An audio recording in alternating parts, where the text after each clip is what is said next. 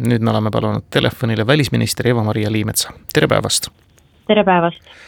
proua Liimets, kui minu asemel helistaks teile praegu Venemaa välisminister Sergei Lavrov,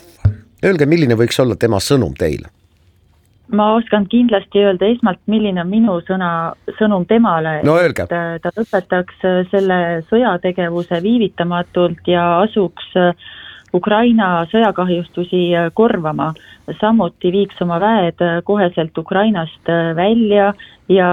ähm, laseks taastada Ukraina territoriaalse terviklikkuse. ma usun, et tema poolt kindlasti tuleksid need Äh, sõnumid ja valed, mida me oleme seni rahvusvahelisel areenil kuulnud ja millega me, millega meie kindlasti kuidagi nõustuda ei saa. ma usun, et see on terve mõistliku läänemaailma sõnum Sergei Lavrovile ja tervikuna siis Venemaale. kuidas on praegu viimased teated selle diplomaatilise lahenduse otsimise vallast? Mm, kuuldavasti üritatakse siis nüüd leida neid kontakte ja vahendajaid, kes ometigi viiksid kokku Zelenskõi ja Putini. kuidas need pingutused on seni sujunud?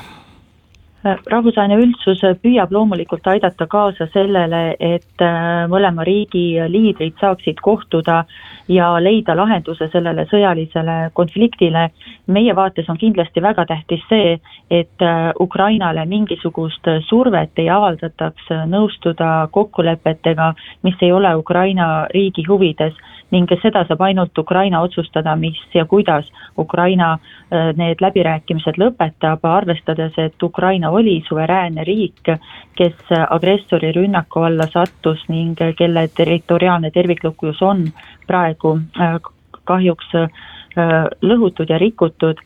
Ning praegu on eeloleval nädalal taas lootust, et läbirääkimised kahe riigi vahel jätkuvad ja äh, otsitakse jah, võimalusi, kuidas siis liidrid, selle liidrite kohtumine toimuks, sest on selge, et muudel tasemetel loodud kontaktid ei ole mingit edasiminekut seni taganud ja nagu me ka näeme igapäevaselt, siis olulisi muutusi sõjatandril kahjuks ei ole toimunud. Äh, ilmselgelt on selge see, et Zelenskõi ja Putini kohtumine ei saa toimuda Moskvas, ei saa toimuda Kiievis, noh, ei saa toimuda ka Jaltas. et see peaks olema kusagil Euroopas, eks ole ju praegu on väga mitmed riigid äh, käinud välja äh, oma ettepanekuid ja pakkunud oma ruumi selleks kohtumiseks ja loomulikult peab see kohtumiskoht olema ühelt poolt neutraalne äh, Ukraina jaoks ja teiselt poolt kindlasti ka turvaline. nii et ähm, me näeme, et on mitmed riigid, näiteks Türgi, kes on aktiivselt vahendustegevust pakkunud ja loomulikult see kohtumine oleks hea, et ta toimub neutraalsel pinnal ja, ja, ja meie kindlasti toetaksime seda, et, et see kohtumine lähiajal aset leiab. aga miks mitte juba siis ka Tallinnas, kui juba juttu sinna ettevaatlikult tüürime, seda enam, et eesseisval reedel sel nädalal on üks väga, vägagi esinduslik konverents siin tulemas. no Putinit, Zelenskit siin näha ei saa, küll aga koostöös Eesti Välispoliitika Instituudiga on tulemas siia väga mitmed E, Euroopa Liidu liikmesriigi välisministrid ja mitte ainult, siin on ka veel teisi nimekaid tegijaid. no tegelikult ettevalmistus selleks samaks konverentsiks hakkas ju aegsasti pihta ja plaanid olid algul hoopis teised, arutleda hoopis millegi muu üle, selle üle, kuidas Eestil ÜRO Julgeolekunõukogu liikmena läks ja kuidas teistel väikeriikidel on võimalus maailma julgeolekukorda mõjutada, aga nüüd tuli plaane vähe ümber teada eesseisval reedel on meil jah, Julgeolekunõukogu konverents ja ühelt poolt me kindlasti soovime tagasi vaadata meie liikmesusele ja ka väikeriikide rollile ja mõjule ÜRO Julgeolekunõukogus, sest on ju tõsiasi see, et väikeriikide jaoks on äh, rahvusvaheline õigus äh, äärmiselt oluline ja ÜRO-s, ÜRO Julgeolekunõukogus äh, rahvusvahelise õiguse rikkumisi puudutavaid küsimusi käsitletakse peale kahekümne neljandat äh, veebruari on meie jaoks kindlasti selge ka see, et äh, selle konverentsi peafookus on äh, räigetel rahvusvahelise õiguse rikkumistel, Venemaa alustada, alustatud agressioonil Ukraina suhtes ja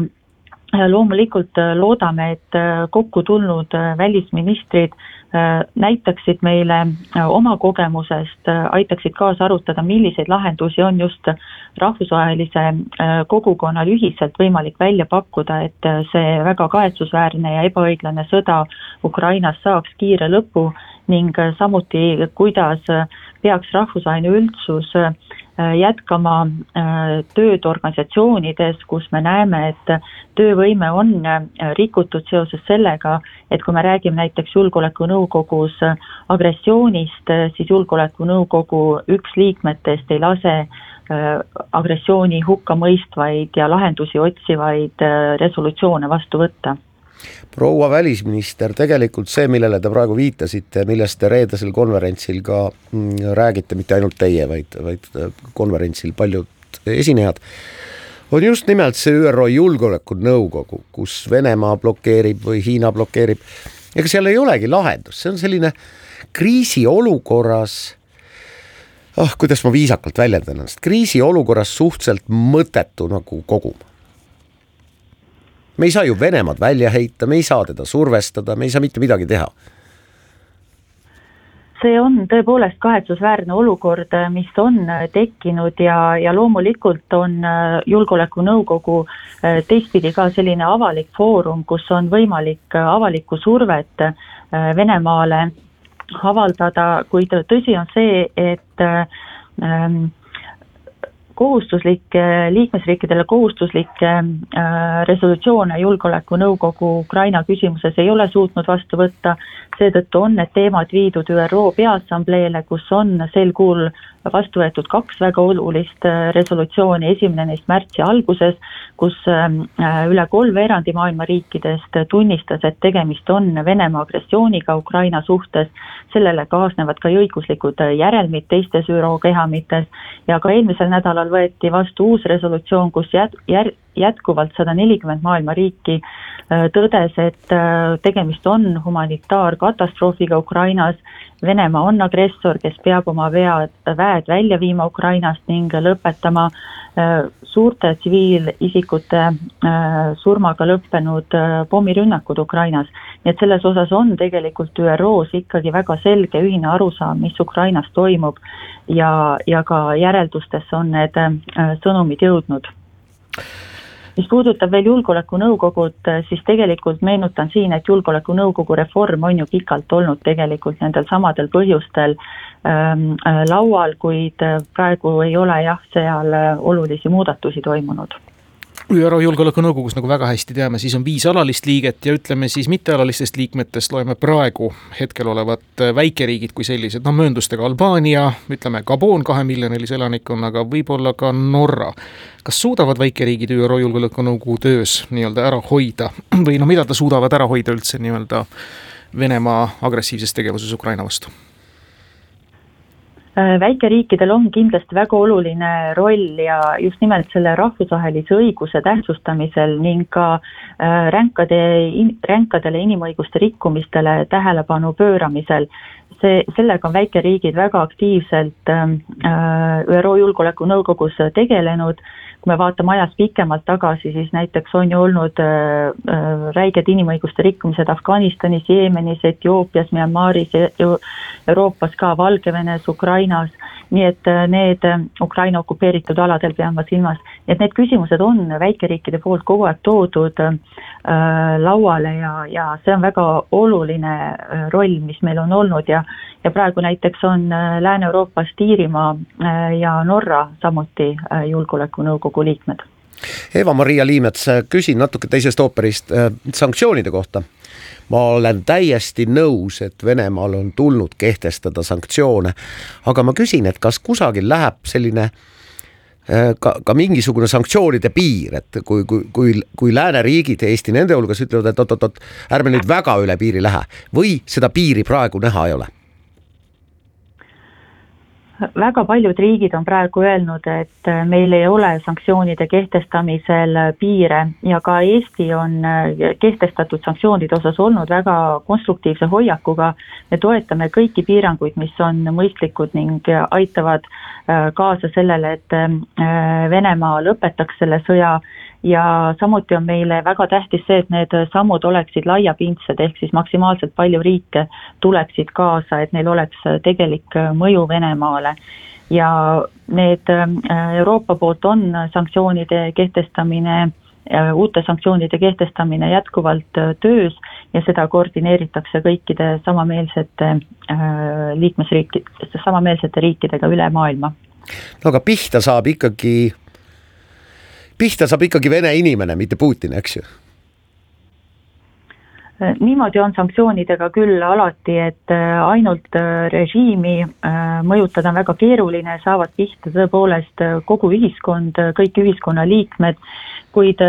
see on paraku selle sõja hind ja meie vaates on ikkagi ju põhieesmärk aidata kaasa sellele, et see sõjategevus lõpeks ja see on juba Venemaa võimude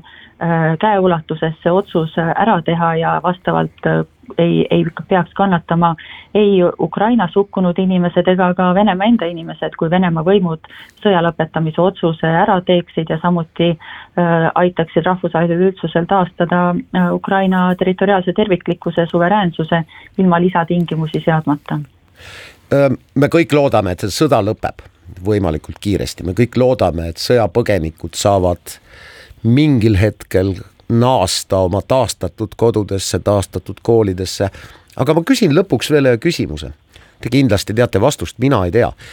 loen viimastel päevadel või isegi viimase nädala jooksul erinevate Euroopa poliitikute arvamusi, et see kriis Ukrainas ja Venemaal vähendavad niivõrd palju teravilja kogust, et nälg meid ei oota, aga elementaarsete toiduainete hinnad on kasvamas. kas see on mingi müüt või on see tõepoolest meid ees ootamas? praegu loomulikult äh, analüüsitakse nii Eestis kui teistes riikides, millised on majandussanktsioonide mõjud, milline on mõju sellele, et äh, Ukrainas on sõjaline tegevus ja tõepoolest äh, praegu